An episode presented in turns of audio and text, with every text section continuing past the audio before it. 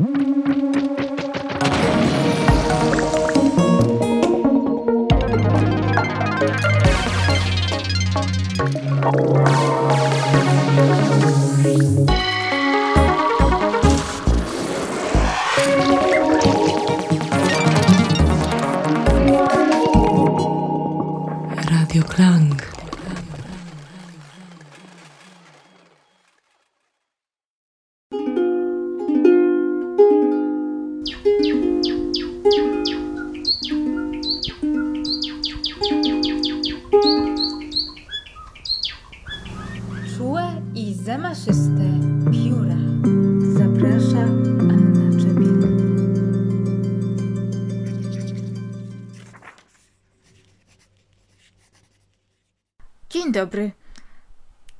Tu Anna Czepiel i Czułe i zamaszyste pióra. Witam w 2022 roku. Dzisiaj podsumuję to, co wydarzyło się w roku 2021 w dwóch bardzo ważnych dziedzinach ludzkiego życia ornitologii i ontologii. Należy tu wspomnieć, że każde odkrycie ornitologiczne jest odkryciem ontologicznym, ponieważ dotyczy świata bytów, struktury bytów, na przykład struktury śpiewu ptasiego czy piór ptasich, ich rozmieszczania się puszystego w przestrzeni albo zmoczonego, kiedy ptaki wezmą kąpiel, co dotyczy i kanarków, i ryżowców domowych, i gołębi, które się kąpią w kałużach. Natomiast trzeba przyznać, że nie każde odkrycie ontologiczne jest odkryciem ornitologicznym, mimo że inspirację do niego może dostarczać właśnie obserwacja ptaków. Gonienie za kormoranem po Wiśle może skutkować namysłem nad ontologią życia aktywnego i ontologią jego przeciwieństwa, czyli życia spokojnego, kontemplatywnego, w którym spokojne chwile nie są rozrywane przez spontaniczne rozrywki, nomen omen, takie jak gonienie za stworami. Pierwszym odkryciem ornitologicznym i ontologicznym 2021 roku była dla mnie oczywiście makolągwa. Kupiłam ją dokładnie 1 kwietnia. Pojechałam po makolągwę aż na Nową Hutę i dodatkową korzyścią z tej podróży było to, że po drodze widziałam ładny pomarańczowy retro kiosk. Ta makolągwa a raczej ten makolągw, bo to jest samiec, to dokładniej mieszaniec kanarka i makolągwy. Matka była kanarkiem, a ojciec był makolągwem. Na klatce piersiowej mojego nowego towarzysza mm, był lekko widoczny czerwony szalik z piór, jak u stuprocentowej makolągwy. Śpiew takiego mieszańca jest inny, ciekawszy niż zwykły śpiew kanarka. Ponadto nasz makolągw ma bardzo puszyste pióra w kolorze khaki. Jeżeli spojrzę na niego z daleka, zwłaszcza jak jest napuszony, wydaje się, że jest to świętej pamięci kanarek zielonka, który pochodził od tego samego hodowcy. Możliwe, że matka naszego makolągwy, która była kanarkiem, była w jakiś sposób spokrewniona z zielonką. Daje to nam nadzieję na ciągłość rodu zielonek. Kupiona w prima aprilis makolągwa nie miała ze mną zostać w Krakowie, tylko ja tak sobie umyśliłam, że będzie prezentem wielkanocnym dla rodziców, bo oni oczywiście kochają otrzymywać nowe ptaszki. Nazajutrz więc pojechałam do Warszawy na Wielkanoc nie sama, lecz z makolągwą, a odprowadzający mnie do pociągu bażant szczęśliwie uzupełniał ten pochód dziewczyny z makolągwą w klatce. Po moim przyjeździe, naszym z makolągwą, rodzice się lekko zdziwili. Mój tata nadał stworzeniu imię skrócone od słowa makolągwa imię Mako i był bardzo zadowolony, że Mako w ciągu kilku nadchodzących dni szybko nauczył się latać, prze przelatywać z salonu do kuchni i odwrotnie, nauczył się trybu dnia naszych ptaków i tata nadal uważa, chyba słusznie, że Mako lata najdoskonalej z naszych stworzeń. Wracając do pierwszego, a właściwie już 2 kwietnia, to jeszcze rano 2 kwietnia w Krakowie trochę nieśmiało śpiewał ten makolągw, natomiast potem w Warszawie przez długi czas nie śpiewał. Tylko wtedy, kiedy jakiś inny ptaszek niknął z pola widzenia i Makolongwa nie wiedziała, co się dzieje, to wtedy wydawała z siebie śmieszny odgłos, jak z jakiejś gry komputerowej czy z sygnału SMS-a.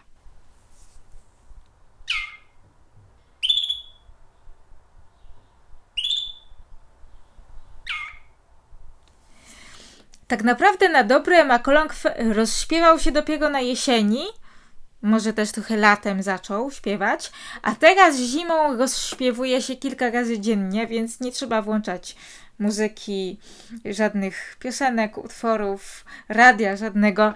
I z każdą jego pieśnią przekonuje się, jak niesamowite są umiejętności naszego Makolongwa. Potrafi z siebie wydawać naprawdę różne linie melodyczne. Posłuchajmy.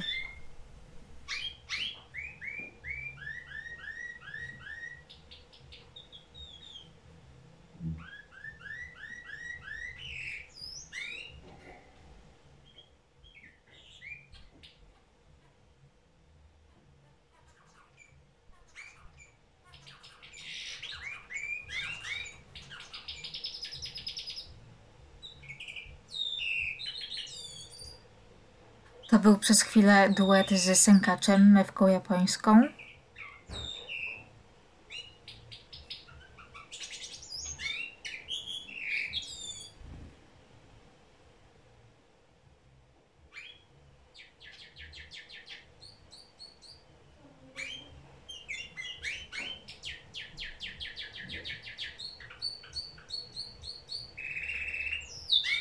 A teraz Makolongwa mm, naśladowała pieśń ryżowca naszego, dodając do niej swoje zakończenie.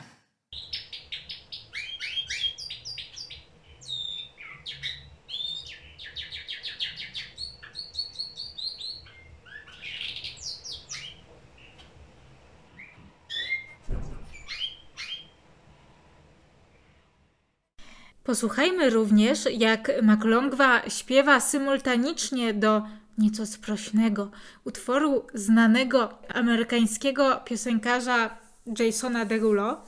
Nagrywałam ten śpiew w ten sposób, że z telefonu puściłam piosenkę, obok gdzieś tam y, się szwendała makolongwa, a to wszystko nagrywałam oddzielnym dyktafonem. I zaskakujące jest to, jak zaraz usłyszymy, jak bardzo szybko makolongwa odnajduje te rodzaje i te prędkości ćwierkania, które będą harmonizować z utworem Derulo.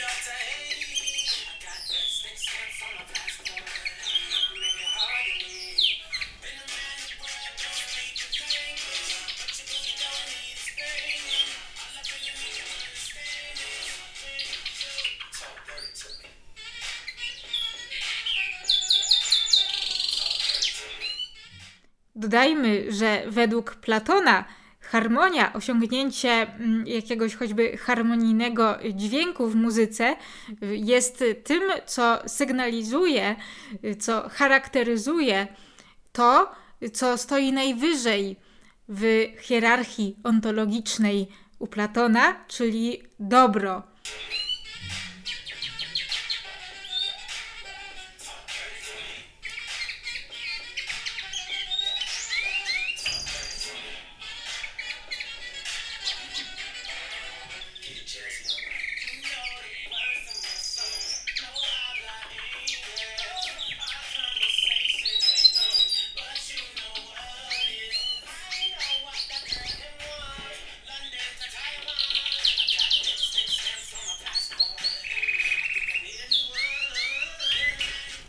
Jeżeli Makolongwa wie, jak osiągnąć harmonijne współbrzemienie z Derulo i jeżeli sam Derulo wie, jak harmonijnie zaśpiewać piosenkę i jakie sample wykorzystać w akompaniamencie, to zarówno Makolongwa, jak i Derulo mają wiedzę, a według szczebli ontologii platońskiej wiedza jest tym, co prowadzi do dobra.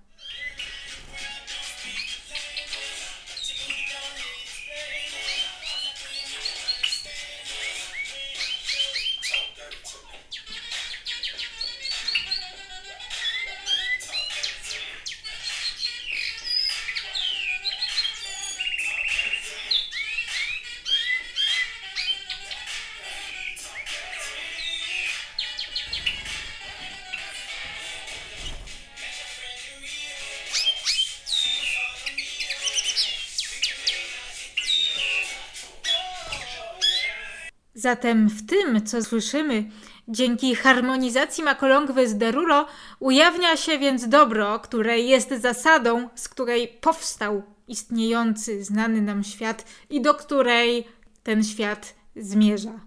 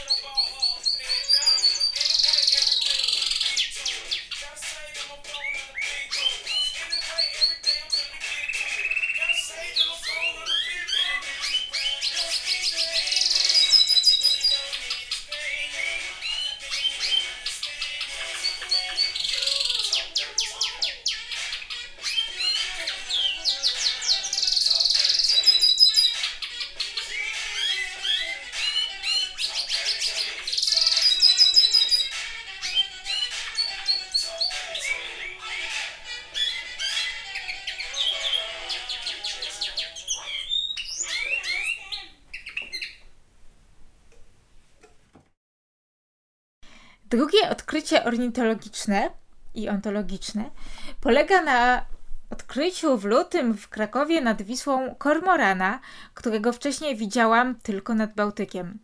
W odcinku pod tytułem Kormoran in Kant, który uważam za najlepszą z moich audycji, opisałam, że gdy na spacerze podczas nadzwyczajnie wiosennej pogody w lutym zobaczyłam, jak kormoran płynie w Krakowie po Wiśle, ale nie udało mi się mu bliżej przyjrzeć ani go sfotografować, to przez kilka kolejnych dni przychodziłam w to miejsce nad rzeką jeszcze raz. I opłacało się. Zobaczyłam nawet, jak pod kładką Bernatką płyną dwa kormorany. To jednak nie koniec kormoranie i historii, ponieważ kiedy w lipcu pojechałam na wakacje nad morze, to odwiedziłam wyspę Sobieszewską, która słynie z różnorodności gatunków ptaków. Tuż przy moście, którym autobus komunikacji miejskiej z Gdańska wjeżdżał na wyspę, zobaczyłam kormorana, który był prawie że oswojony. Ja, Bażańcik oraz inni obywatele byliśmy dwa metry od tego kormorana, staliśmy, chodziliśmy, a on się nie ruszał, nie uciekał, po prostu był jak taka maskotka. Dzięki temu mogłam zrobić dokładne zdjęcie kormorana i ujrzeć, jakie on ma piękne niebieskie oczy, takie mądre, choć trochę głupkowate, taki trochę heraklitejski kormoran. W ogóle kormoran wygląda śmiesznie, jak spojrzy tak całkiem wprost, jak y, jakby pozując do zdjęcia, do dowodu osobistego. Trzecie moje odkrycie ornitologiczno-ontologiczne w 2021 roku to ptak trzciniak. Jest on dla mnie symbolem pierwszego dnia konferencji filozoficznej w drodze do Syrakus powołanie filozofii a pokusa politycznego aktywizmu. Konferencja odbyła się 28 maja w formie zdalnej, więc cały dzień siedziałam za biurkiem i to w dodatku ustawiłam krzesło w takim ciasnym kącie, żeby mieć za sobą przyjemny widok z książkami zamiast nieumiarkowanego widoku na cały pokój. Referaty były ciekawe. Często pewne rzeczy mnie poruszały, więc kilka razy zabierałam głos. Siedzenie mm, od południa przy biurku oraz emocjonujący fakt, że niektóre osoby, większość tych osób widziałam po raz pierwszy od, od wybuchu pandemii, sprawiły, że byłam nieco wyczerpana. Yy, I kiedy konferencja się skończyła około 19.30, to było jeszcze jasno, więc wyszłam z domu zaczerpnąć świeżego powietrza. I tak wędrowałam przed siebie, przeszłam odległość jednego przystanku, ale w inny sposób niż to zwykle robię, bo nie szłam chodnikiem, tylko górą, gdzie była romantyczna taka ścieżka wśród łąki a łąka w maju, jak wiadomo, jest piękna. I odważyłam się przejść tą łąką, mimo że była taka pusta, trochę były to takie postapokaliptyczne tereny. Akcja jakiegoś horroru mogłaby się zaraz zacząć toczyć, gdyby bohater stał na takiej pustej łące. Łąka prowadziła do mm, właśnie budowanego osiedla i w końcu doszłam do jakiejś skarpy, na której były krzaki i po chwili wypatrzyłam źródło odgłosu owego tajemniczego ptaka jakiegoś. I zaczęłam mu cykać zdjęcia z różnych stron oraz nagrywać filmiki. Z dźwięku oraz wyglądu ptaka, jak później sprawdziłam, wynikało, że jest to trzciniak, ptak, którego nigdy wcześniej nie widziałam. Posłuchajmy teraz nagrania, które zrobiłam, a tak naprawdę dźwięku z filmiku, który nakręciłam właśnie wtedy, kiedy znalazłam tego trzciniaka i wdawałam się z nim w dialog.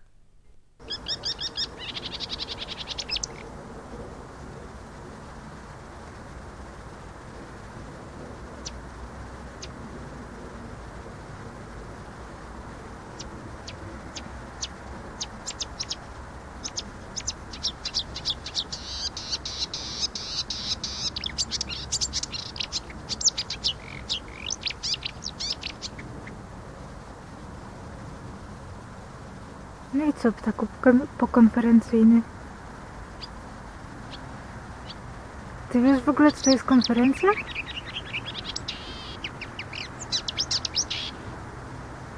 No właśnie, ja też nie wiem, bo się odzywam nie w porę. I mówię jakieś dziwne rzeczy. O, widzę takie zrozumienie w twoich oczach, ptaszku.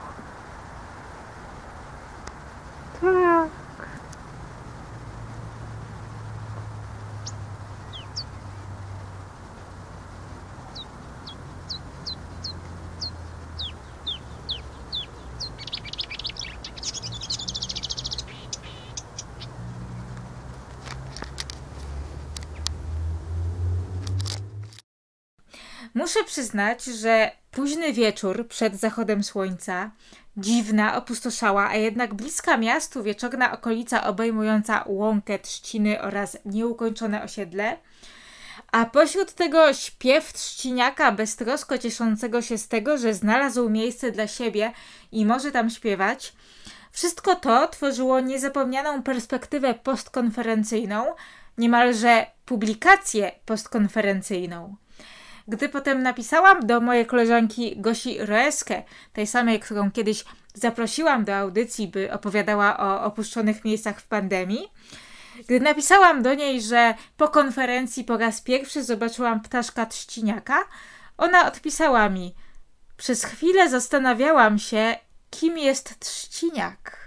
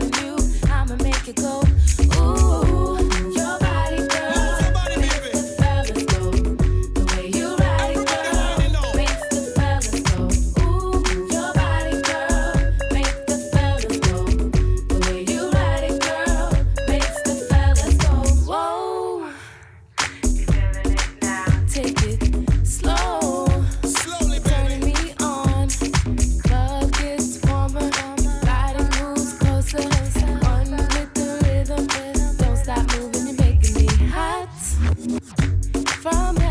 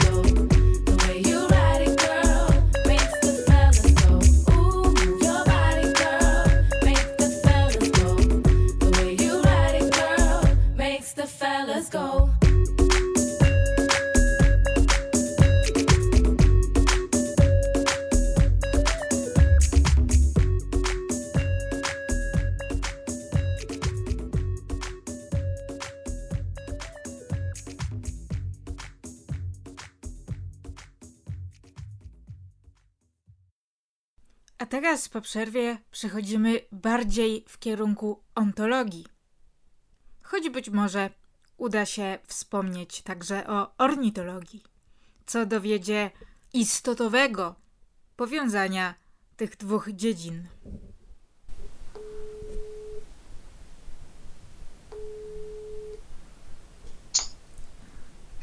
Halo? Y, Dzień dobry, czy dozwoniłam się do wybitnego ontologa profesora Piotra Bartuli? Przepraszam bardzo.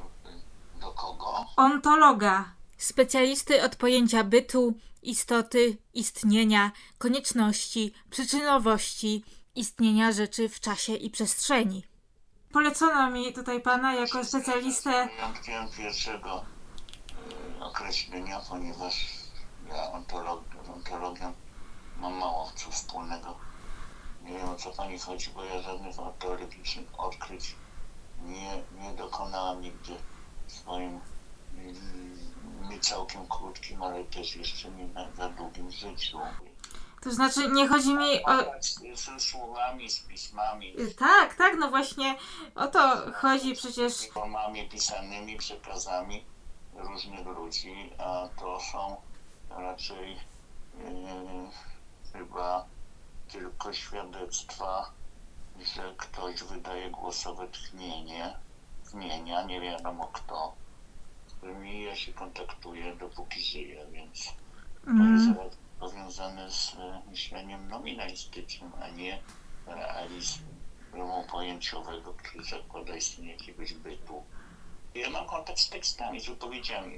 Tak samo pani nie znam, nie, nie znam pani substancji, słyszę miły głos w słuchawce. O, to bardzo mi miło. Tam, gdzie mogę odpowiadać na ten y, głos, który traktuję jako no, objaw treści przekazywanych.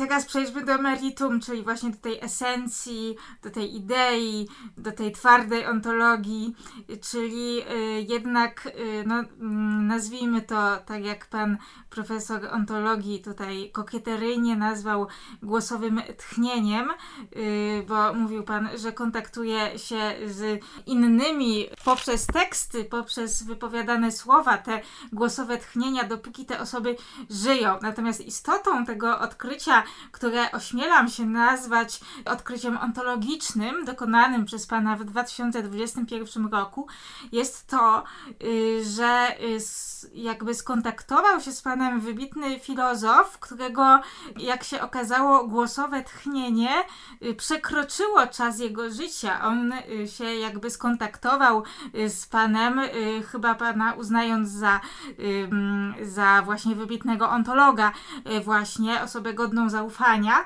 Skontaktował się, jego głosowe tchnienie doszło jakby już po okresie jego życia, y, czyli y, krótko mówiąc, y, odnalazł Pan i przekazał Pan szerszej publice, w tym jest właśnie ta twarda ontologia właśnie tkwi. Wieczność idei, ukazanie nam wiecznej idei, trwanie idei danego człowieka poza życiem tego człowieka. Chodzi o pismo odnalezione, zaginione, a teraz odnalezione Johna Stuarta Milla. No, y, znowu muszę. Po pierwsze, nie, nie jestem ontologiem, już mówię drugi czy trzeci raz. Ja zresztą nie tylko y, z Johnem Stuartem Millem miałem tego rodzaju kontakt, ponieważ No właśnie. y, miałem też kontakt z Augustem Cieszkowskim, który, który miał samo objawienie gdzieś tam w kościele w Grabkowie swego czasu, a ja z nim się kontaktowałem poprzez jego pisma i napisałem w jego imieniu list do Rady Europy, ale także z Immanuelem Kantem, którego list w sprawie kary śmierci także pisałem, więc mam kontakt, bo rozumiem, że pani chodzi o, yy, Kontakt z substancją. Ontologiczną. Miroską, widzeniem jego wpływu na rzeczywistość polską. E, Tak, tak, no właśnie. I, tego rodzaju z różnymi myślicielami, no ale to y, gdybym poszedł pani na rękę, to bym mówił o jakichś objawieniach, kontaktach mistycznych z tymi osobami. mm, Nie pójdę pani na rękę, ponieważ to nie na tym rzecz polega, że ja z nimi mam jakieś kontakty, tylko traktuję filozofię jako ćwiczenie duchowe z zakresu empatii. Rozumiem, brzmi to y, ciekawie. Kogokolwiek próbuję myśleć w jego, wejść w jego świat, w świat jego intencji, przekazu, stylu myślenia i, i jak przychodzi pewny moment, że ktoś pyta, co jeden czy drugi miałby do powiedzenia na jakiś temat, jak w przypadku Mira, bo o niego pani pyta, czy jego, e, czy jego e, idee, poglądy, przekonania mają jakąś żywość w polskim świecie, czy we współczesnym świecie, no to po prostu przez wieloletnie ćwiczenia, jak powiedziałem, z zakresu empatii, no udaje mi się y, czuć w jego stylistykę, w jego sposób y, odpowiadania na tego rodzaju pytania. No więc ja w imieniu już nieżyjących spróbuję pisać tak, jakby oni napisali, gdyby żyli. Więc to proszę traktować nie jako y, jakąś strategię ontologa, ontologiczną, tylko jako ćwiczenie z empatii. Pamiętam, że na jednej konferencji właśnie dzięki tej filozoficznej empatii powiedział pan, że kupuje pan ode mnie pojęcie nominalistycznej natury jestestwa, jednostki, indywiduum, a zatem, jak wspomniałam, osoby niezmiennej, choć wewnętrznie bogatej i wypełnionej różnymi doświadczeniami. Mam kontakt z Milem Kantem, Augustem Cieszkowskim, czy, yy, czy Platonem, Sokratesem, czy innymi, to piszę, tak jakby mi nie było, a jakbym był nimi, tak? Próbuję się wcielać. Jakby w wcielać postaci. się. Mm, no właśnie, i tutaj... Wcielać się w ich sposób myślenia, no nie w te postaci, bo nigdy bym nie chciał być może żadnym Augustem Cieszkowskim. No właśnie, to y, czasami y, chęć bycia kimś w 100% nie jest, y, nie należy sobie tego życzyć, bo na przykład Cieszkowski miał taką brzydką brodę i to chyba nie jest dzisiaj modne. To już jest kwestia urody, która może pani nie odpowiadać, ale na przykład jego żonie, którą miał dwójkę synów bodajże, no to jednak to odpowiadało, więc no, Nie, może ona go codziennie yy, no, tak emocjonalnie zachęcała do ucinania tej brody. No, być może, być może przecinała mu nawet tą brodę, nie wiem, nie znam takich. A może służąca mu przycinała? To już jakieś można stanowić podstawę do jakiegoś opowiadania. Był on to człowiekiem zamożnym. Fantazji. Więc być może miał, yy, no miał dobrze przystrzoną brodę, tak jak to pokazują ryciny. Ale A może doktorant mu przycinał? Yy, doktorantów nie miał.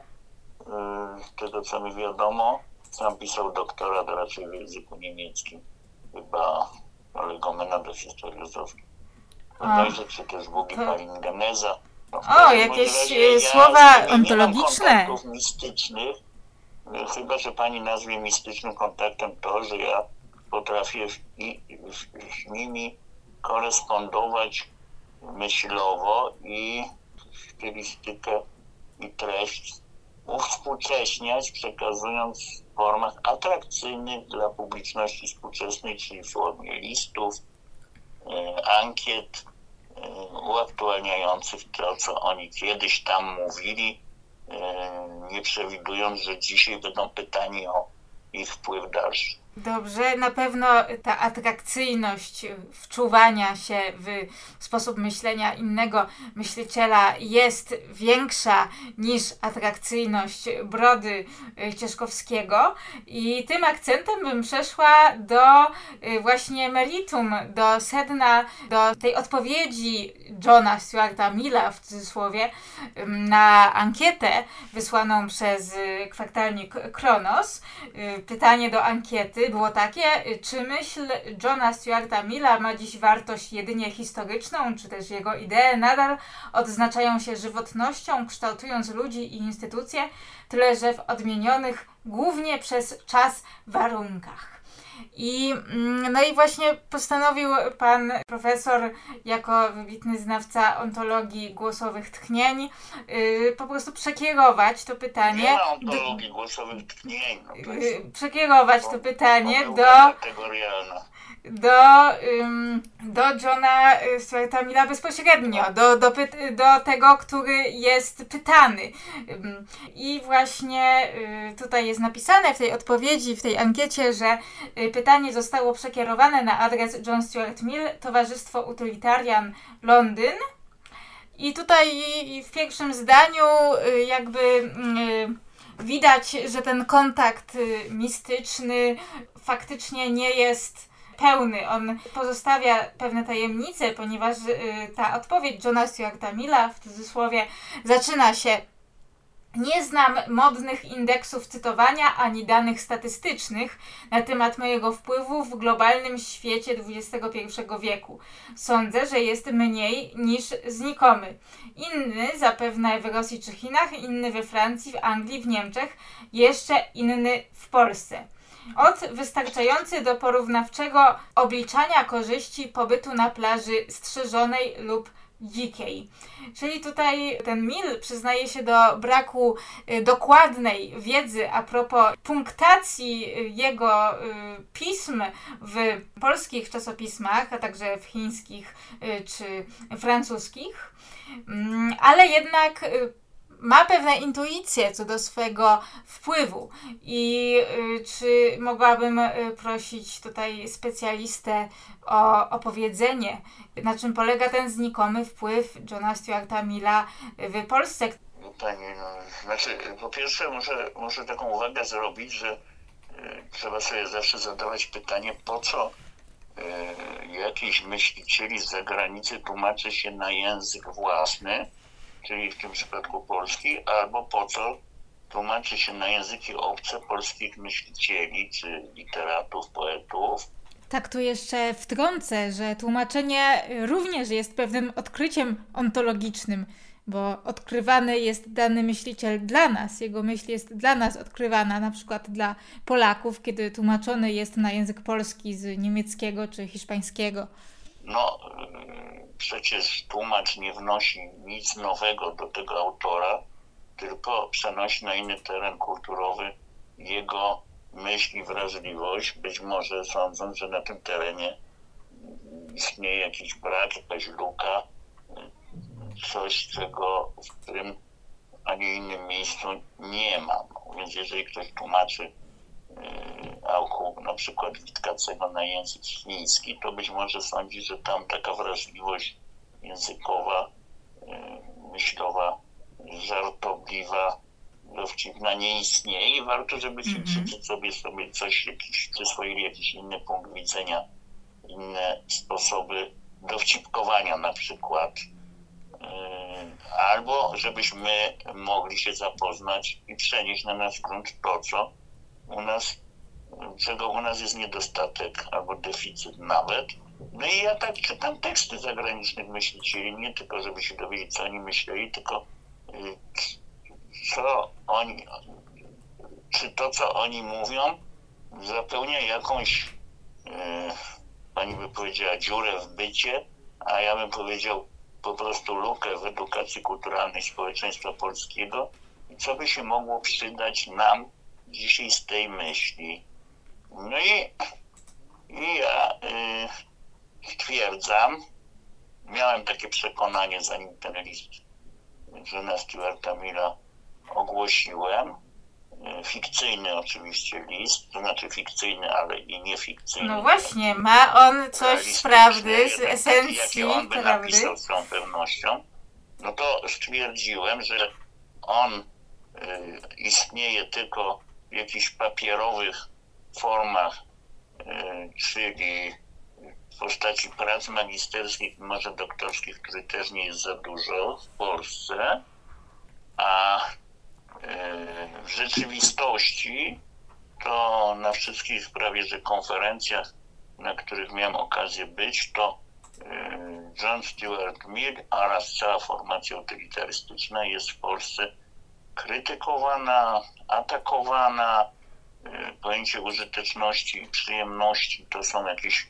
pojęcia podejrzane w Polsce, jakieś podobno obniżające pozycję człowieka w świecie, obniżające jakoś jego godność podobno, ponieważ użyteczne i nieużyteczne to podobno jest niższe niż heroiczne i prowadzące do obniżenia godności, tak? Mówiąc przyjemne, nieprzyjemne jest gorsze niż godne czy niegodne i to y, wydaje mi się bardzo y, błędna, błędna, błędna krytyka tego formacji, tej formy myślenia y, związanej z utylitaryzmem także Emila. Tym bardziej, że ten atak jest skierowany donikąd, bo w Polsce tradycji utylitarnej nie ma.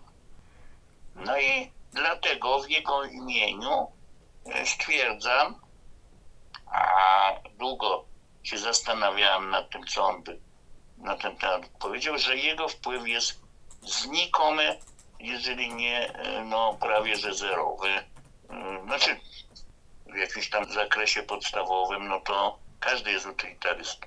Tak, no właśnie, zgadzam się, że to, to jednak y, mm, sprawdzanie cen, o ile y, się y, obniżyła cena, czy, czy raczej w dzisiejszych warunkach wzrosła y, cena chleba, albo o ile się obniżyła cena sweterka, bo teraz są wyprzedaże poświąteczne, no, czyni każdego z nas y, utylitarystą, ale też nie sposób się nie zgodzić tutaj z pańskim punktem widzenia Y, że jednak y, ten y, utylitaryzm jest w Polsce chłopcem do bicia, ponieważ to, co jest dobre etycznie, często kojarzy się z wyborem jakiejś nieprzyjemności, cierpienia.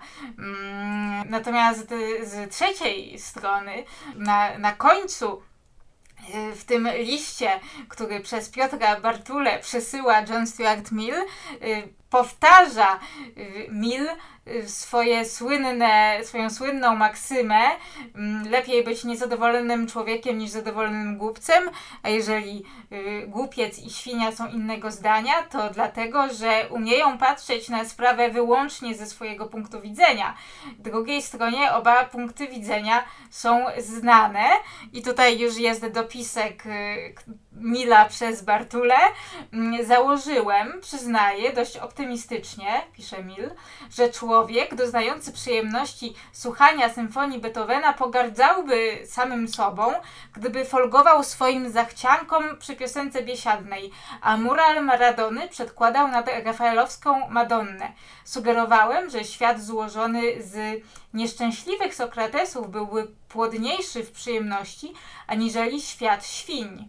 Przyjemności tych pierwszych byłyby może odległe, ale trwałe, Tutaj ja mogę dodać ontologicznie trwałe, zaś tych drugich bliskie, lecz krótkotrwałe. W waszym świecie dostrzegam jednak raczej tendencję odwrotną, lepiej być zadowoloną świnią niż niezadowolonym Sokratesem.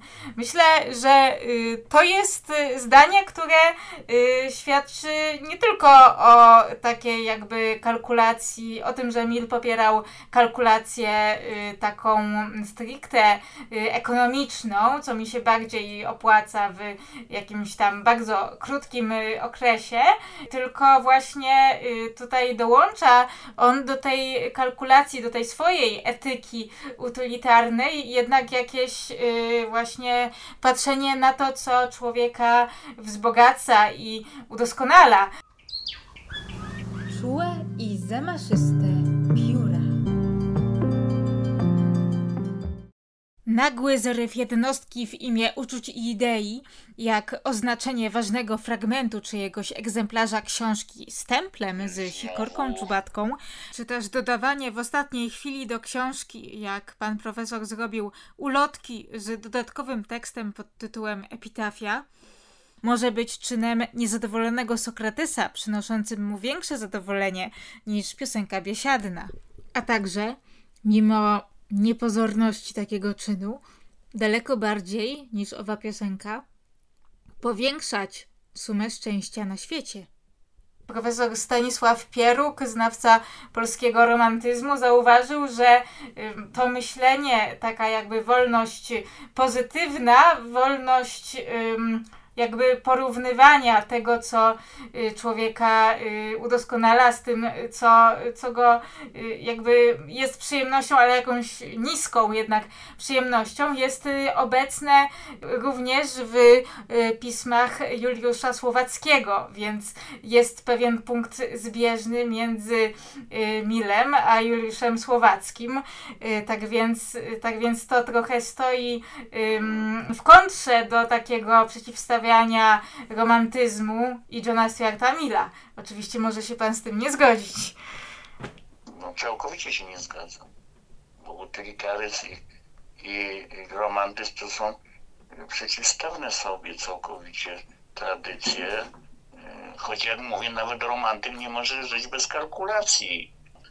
Natomiast to, co pani mówi o tym Milu, no to musiałbym wyjaśnić, że on pewną rozwiązywał pewną trudność, którą odnajduje się w obrębie tej utylitarystycznej filozofii. No właśnie. Bo u nich dominowała wpierw koncepcja jednorodności dóbr.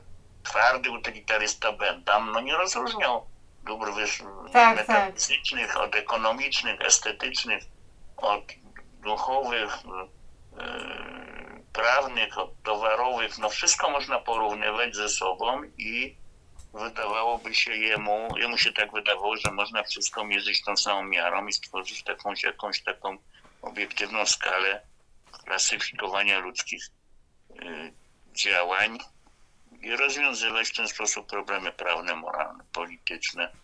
I tak wszystko by się stało jasne, ale y, wprowadził, jak wiadomo, właśnie to, co pani przytoczyła za tym moim listem, y, on rozwiązywał sprawę jednorodności dóbr, czyli wprowadził do zasady tej użyteczności rozróżnienia jakościowe.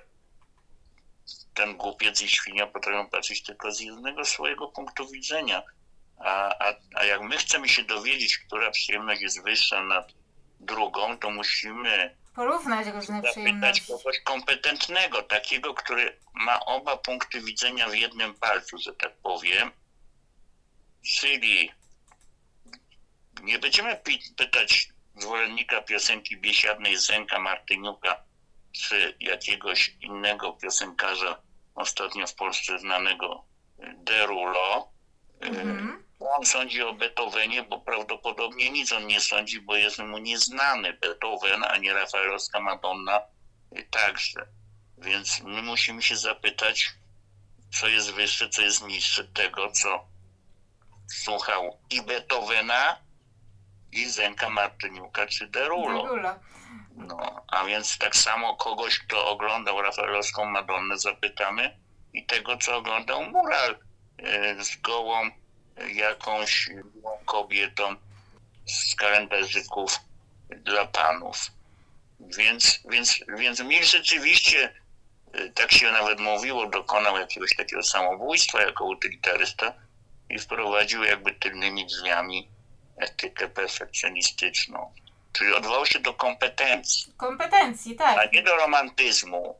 Yy, no. Po prostu jeżeli pani słucha muzyki klasycznej, ale też popowej, no to zapytamy, co jest według Pani, bo Pani zna oba, oba te, te formy, obie te formy, formy e, przyjemnościowe, no która wyższa, która niższa. Jednak nie traktowałabym Derulo jako kogoś, kto nie zna ostrożności, jaka budzi się w nas na widok Madonny Rafaela a także jako kogoś, kto nie zna użyteczności innej niż ta prosta, pieniężna. Wszak y, Derulo nagrał piosenkę Be Careful, czyli trzeba uważać. No to moja szkoła. No właśnie. Moja szkoła. A wracając do Mila i jego wprowadzenie rozróżnienia jakościowego na przyjemności niższe i wyższe, które pozwalają na osiągnięcie bardziej, bardziej też metafizycznie większego szczęścia. Można powiedzieć, że to jest właśnie wprowadzenie tej innowacji, jest swoistym odkryciem, bo to jest odcinek o odkryciach ontologicznych i ornitologicznych, więc, więc tutaj to musi się dopasować. Jest to odkrycie, bo to już no występowało u Epikura, wie pani, tak. no, że przyjemności to nie są tylko zmysłowe, ustawiane na jednej skali, choć nie zrezygnował on z pojęcia w ogóle przyjemności. Tak, tak. Też można powiedzieć, że ta jego etyka właśnie rozwiązująca problem y, niejednorodności tych właśnie dóbr jest jednak bardziej, można powiedzieć, tolerancyjna niż taka właśnie y, etyka kantowska, czy w pewnej, w pewnym sensie chrześcijańska, która uznaje za dobro wyłącznie jakieś samowyrzeczenie, ponieważ yy, no mimo wszystko każdy może sam, jeżeli jest oczywiście kompetentny, wyedukowany, jeżeli jest na przykład doktorantem albo profesorem ontologii, yy, to y, może stworzyć własną jakby taką hierarchię zindywidualizowaną tych wyższych i niższych przyjemności. Już samo to jest takie, można powiedzieć, w, romantyczne w rozumieniu nie martyrologicznym. Ja mogę sobie tutaj na najwyższym miejscu w tym rachunku przyjemności ym, czytanie pism o ontologii. Solidnie utkane. Solidnie utkane, piękne sweterki. Tak, faktycznie one będą się znajdować na równi z czytaniem prac ontologicznych.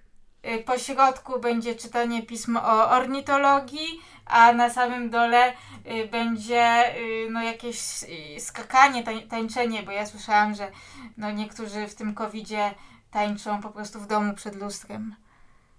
No, to może to jest rodzaj fitnessu albo po prostu y, zastępowania y, aktywności, chodzenia do pracy w sytuacji zdalnej pracy, no to człowiek musi sobie radzić tak, tak, no to może... domową. Tak, no wcale Więc to nie jest takie głupie, tak, tak. Czułe i zamaszyste pióra. List to bym w tych kategoriach widział, że to jest raczej odkrycie tego, tej polemiki, tej ważności, tej, tej różnicy pomiędzy tradycją kantowską a użytecznościową, i w Polsce, jeżeli ktoś z tych dwóch ma większą przewagę, to chyba bardziej się ceni jednak Kanta albo tak. tradycję chrześcijańską, a nie tą właśnie użytecznością. Rozumiem. Y, faktycznie y, tutaj tego rodzaju jakieś odkrycie jednak jest i co do tego się zgadzamy. Przeczytam jeszcze na... Odkrycie, odkrycie, że w Polsce utylitaryzm jest, istnieje tylko na tym poziomie, który jest potrzebny do człowiekowi do przeżycia po prostu, no tak jak i każdemu innemu stworzeniu żywemu, które przecież też musi wybierać ścieżki w swoim życiu takie, żeby umniejszać yy, możliwe, możliwość nieszczęścia, a raczej dotrzeć yy, zdrowiu do założonego celu. No tak robi i mrówka, i biedronka, i ptaszek, tak? Na koniec naszej rozmowy przeczytam fragment y, tego y, listu napisanego przez, przez Bartule, ale tak naprawdę odkrytego i ukazanego nam przez Bartule, a pochodzącego od Mila. I to będzie właśnie a propos tego, tego wspomnianego właśnie, że, że każdy, czy to mrówka, czy ptaszek, czy, um, czy inne stworzenie idzie y, jakąś drogą, po której kalkuluje y, korzyści. I y, no tutaj jakby wiemy, że czasami człowiek schodzi na manowce, człowiek błądzi, że tutaj jest po, po, tak, popada w pewną ekstazę, no i zobaczymy co Mil ma o tym do powiedzenia. Um, Samo pojęcie przyjemności jest traktowane w waszym kraju z wielką podejrzliwością. Kiedy ja mówię przyjemne, nieprzyjemne, słyszę godne, niegodne. Kiedy mówię użyteczne, nieużyteczne, słyszę heroiczne, tchórzliwe. Mm, kiedy mówię o umniejszaniu y, cierpień, słyszę, że należy pokornie cierpieć, y, a później Zresztą przeciwne mojej teorii jest nie tylko cierpiętnictwo w imię wartości, ale także nieracjonalne dążenie ku rozkoszom. Całe życie unikałem irracjonalnych poczynań, intuicyjnych przeczuć i poetyckich doznań. W świadomych wyborach zawsze dbałem, aby optymalizować rezultaty postępowania. Interesował mnie wyłącznie zakup solidnych ubrań, sprzętów i mebli. Czytałem tylko dzieła o klarownej konstrukcji i budującym przesłaniu. Stroniłem od tematów dekadencji, demonizmu, namiętności, miłości, zbrodni, zemsty, chciwości, perwersji, nienawiści, poświęcenia. Książki o hazardzistach, alkoholikach, narkomanach, samobójcach, włóczęgach, nomadach, kasanowach, egzystencjalistach i świętych były mi obce. Gardziłem marzycielstwem, włóczęgostwem, popędowością i brawurą. Nie są to zachowania przeze mnie cenione, ale w dzisiejszym społeczeństwie dość rozpowszechnione i aprobowane. Zapomnieć się w chwili, utracić poczucie czasu i własnej śmiertelności, nad spokojny krakowski mieszczański spacer, przedkładać nieustanne gonienie pływającej po Wiśle Mary wielkości. Oto antypoda poglądu utylitarystycznego. Koniec cytatu. I tutaj yy, myślę, że dokonuje pan ciekawego odkrycia wraz z Milem, że ym, ten ym, jakby dwie skrajności, czyli właśnie jakaś taka mesjanizm, martyrologia i z drugiej strony y, włóczęgostwo, marzycielstwo, y, radykalizm, w tym radykalizm po politycznego aktywizmu, są jakoś właśnie ze sobą splecione, no w takim sensie, że obie te postawy są przeciwne takiemu właśnie spokojnemu y, przestrzeganiu, y, no, kalkulowaniu takiemu właśnie mieszczańskiemu, wyważonemu, bez, bez szaleństw y, i właśnie symbolem y, tego y, jest to zdanie ostatnie, które przytoczyłam, kiedy Mil pisze, iż nie pochwala tego, żeby nad spokojny krakowski mieszczański spacer przedkładać nieustanne gonienie jakiejś pływającej po Wiśle Mary, czyli no Mary wielkości. Wiadomo, że y, chęć jakby zaimponowania komuś, czy to wywiadzie y, radiowym, czy to poprzez to, że ktoś, ornitolog nagle widzi kormorana i go goni, bo go odkrywa y, ontologicznie i ornitologicznie, y, to właśnie bardzo ciekawie tutaj został w tej metaforze uchwycony moment tego zejścia tego włóczęgi marzyciela na manowce, czyli po prostu taka osoba widzi coś i goni za tym. Takie zejście z ustalonej ścieżki. I w kontrze jakby został ten spokojny człowiek, który, który zostaje, po prostu idzie sobie tym bulwarem wiślanym tak, tak jak należy. Tak jak droga prowadzi. I myślę, że, że jakby ta, użycie tej metafory jest, jest również takim y, właśnie ciekawym no, sposobem przedstawienia problemu. Mm, no i właśnie to, że y, również odkryciem jest fakt, że zarówno taki jakby mesjanizm powstańczy, jak i marzycielstwo, y, włóczęgostwo, romantyczne podejście do obowiązków jest krytykowane przez Mila, że te dwie jakby te skrajności czy postawy. Moim zdaniem to jest jedno z ważnych odkryć, którego pan dokonuje w tym tekście. Oczywiście to już wcześniej istniało, ale chodzi o odkrycie tego przed czytelnikiem, uwydatnienie tego. Tak samo na przykład kormoran oczywiście został odkryty, że istnieje ten ptak już dawno temu. Natomiast chodzi o to, bo ontologia jest też nauką o naturze przestrzeni, no i właśnie o naturze jakiejś przestrzeni może stanowić to, że pojawia się w niej kormoran. Jest on tam w każdej zimy czy każdej wiosny. No, no właściwie no tak, tak. Ma pani No tak jak pani przeczytała, no tak właśnie jest, że no, no milowski utylitaryzm wydaje mi się bardzo mieszczański, stateczny, nastawiony właśnie na te właśnie niskie preferencje czasowe, tak, żeby, żeby jednak odraczać takie krótkotrwałe ulotne przyjemności, żeby się wyzbywać nadmiaru heroizmu, niepotrzebnej mitomanii, utopizmu, y, różnych takich y, fantasmagorii, za którymi człowiek goni. Utylitaryzm jest takim, takim, taką strategią trzymania się bliżej ziemi, bliżej ziemi, y, mniej rygoryzmu, więcej właśnie jakiegoś praktycyzmu, taki, to jest taka jakby etyka obliczona na codzienność, tak? Więc mało porywająca, właśnie zakładająca, że człowiek lepiej się czuje w takim e, świecie przewidywalnych skutków swoich, swoich decyzji, raczej ceni się dobrą pracę, dobrą robotę, e, a nie heroizm, walkę o wszystko i tym podobne fantazmagorie.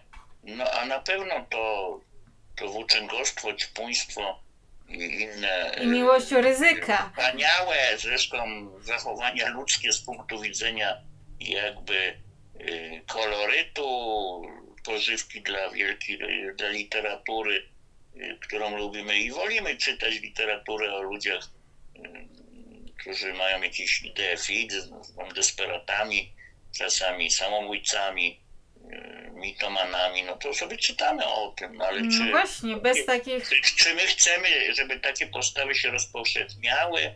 No raczej nie, no. Nam chodzi o to, żeby się przejść bulwarem nad Wisłą i w spokoju kontemplować świat, tak? Ale który, na przykład yy, niektórym... zawiera jakieś, jakieś czasami takie niespodziewane no właśnie, że widzi się kormorana i się za nim biegnie. No ale no, zachwyt, y, no to, to jest troszeczkę z innej, z innej bajki, że tak powiem, kategoria. Tak samo desperacja, tak samo zaniedbywanie następstw swojego czynu na rzecz jakichś krótkotrwałych doznań, no to to wszystko mnie odrzuca. No ale my przecież bardzo lubimy, bardzo lubimy, żeby nie kalkulować, bo jak można tak całe życie żyć w kalkulacji? Tak, to, to prawda, nie można popaść w taką Także ja, ja nie mówię, że, że się że całkowicie trzeba się wyzbyć na rzecz tego milowskiego ideału i innych jakichś ciekawszych doznań, takich mamy co niemiara, ale do Polski bym zalecał raczej y, wprowadzić cośkolwiek z tego, z tego właśnie spokojnego, mieszczańskiego, y, mało popędliwego utylitaryzmu, pozbawionego też tej brawury, jakiejś takiej walki o wszystko. No, trzymajmy się tego, co jest osiągalne, co gwarantuje spokój i spacer, tak, a nie tą nieustanną gonitwę za nie wiadomo czym. No to jest taka główna myśl tego ja jeszcze dodam, że pewne formy walki o wszystko mogą się tak ustatecznić, spetryfikować, że one przestają być tym romantyzmem. Na przykład polaryzacja polityczna w Polsce. Obie strony zarzucają sobie romantyzm, walkę o wszystko, posługują się wielkimi kwantyfikatorami, ale też wielkimi obelgami. Tymczasem one tak naprawdę ograniczają romantyczny taki partycypacjonizm jednostki. Ja jako obywatelka mogę prowadzić swoją walkę o wszystko i dzięki temu paradoksalnie staję się trochę tą milowską krytyczką nieumiarkowania. Ja wyrabiam sobie swój pogląd, znając punkty widzenia różnych stron i jakoś z nich czerpiąc.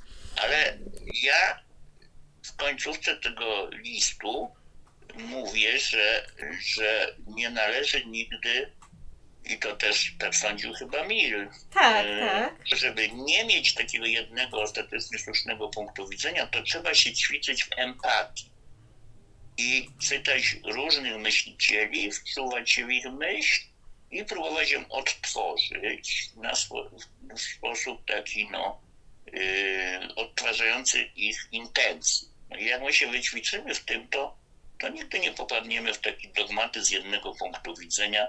Yy, sądzę, że Mil y, nie byłby też całkowicie tak y, przeciwko innym punktom widzenia, no takim, takim których on generalnie nie chwalił, ale ale może w skrytości, w skrytości utylitarnego ducha yy, na no, pewno tak. doceniał, mógł coś doceniać, jakieś właśnie takie marzycielstwo. Yy. Ale starał się o tym nie pisać.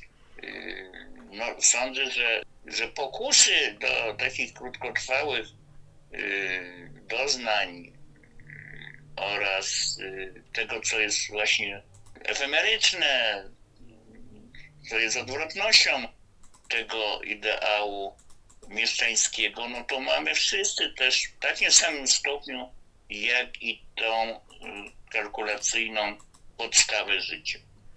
No nie da się żyć cały bez, czas bez, jak Sokrates, jak tak. Kant, jak Mill nawet, który też zdaje się popadał czasami w depresję, tak? No właśnie, za na, dużo utylitaryzmu. Na nadmiar, no mm. tak, na nadmiar jakichś pewnych takich dys, dys, dysfunkcji społecznych ze względu na to, że miał większą wiedzę niż inni, którzy go otaczali. No to takiemu człowiekowi też nie jest łatwo żyć i trudno o optymizm, tak? E, kiedy chce się myśleć, że człowiek doznający symfonii Beethovena pogardzałby samym sobą, gdyby w tym samym czasie słuchał biesiadnej pieśni, no to jak widzimy, że wielu ludzi jednak woli pieśń piesiadną niż Beethovena, to można popaść tak, w, pewną, w pewne przygnębienie. Tak? Przygnębienie.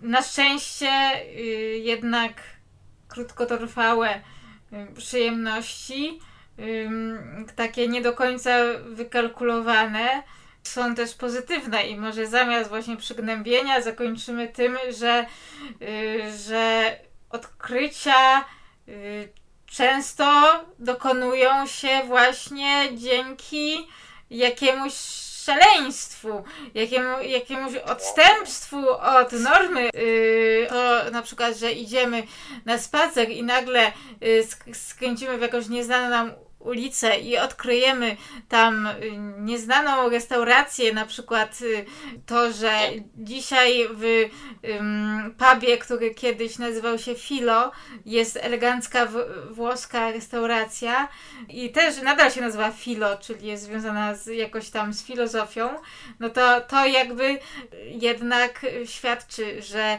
odkrycie może dokonać się właśnie trochę dzięki, dzięki zapuszczeniu się w romantyzm. No tak, możemy skręcić jakąś uliczkę i odkryć, odkryć restaurację o nazwie Pod niezadowolonym Sokratesem. Tak? Dokładnie. Y, nie wiem, czy chciałabym być pod niezadowolonym Sokratesem. No to może być druga uliczka y, pod zadowoloną świnią. Albo, na, albo y, pod Kaliklesem. Albo taka restauracja pod tym jeden punkt widzenia. Jeden I tam podają tylko kury. To chyba ja wiem, do której restauracji pan no, pije. ale może nie wymieniajmy, może by nie reklamować. Jeden punkt widzenia, na przykład taka restauracja. No to ja bym jednak poszedł do takiej restauracji, gdzie obowiązuje kilka punktów widzenia w menu chociażby. Bardzo dziękuję za rozmowę i do zobaczenia w restauracji z różnymi punktami widzenia. Być może moja dyskusja z profesorem Piotrem Bartulą również stanowiła taką restaurację z różnymi punktami widzenia.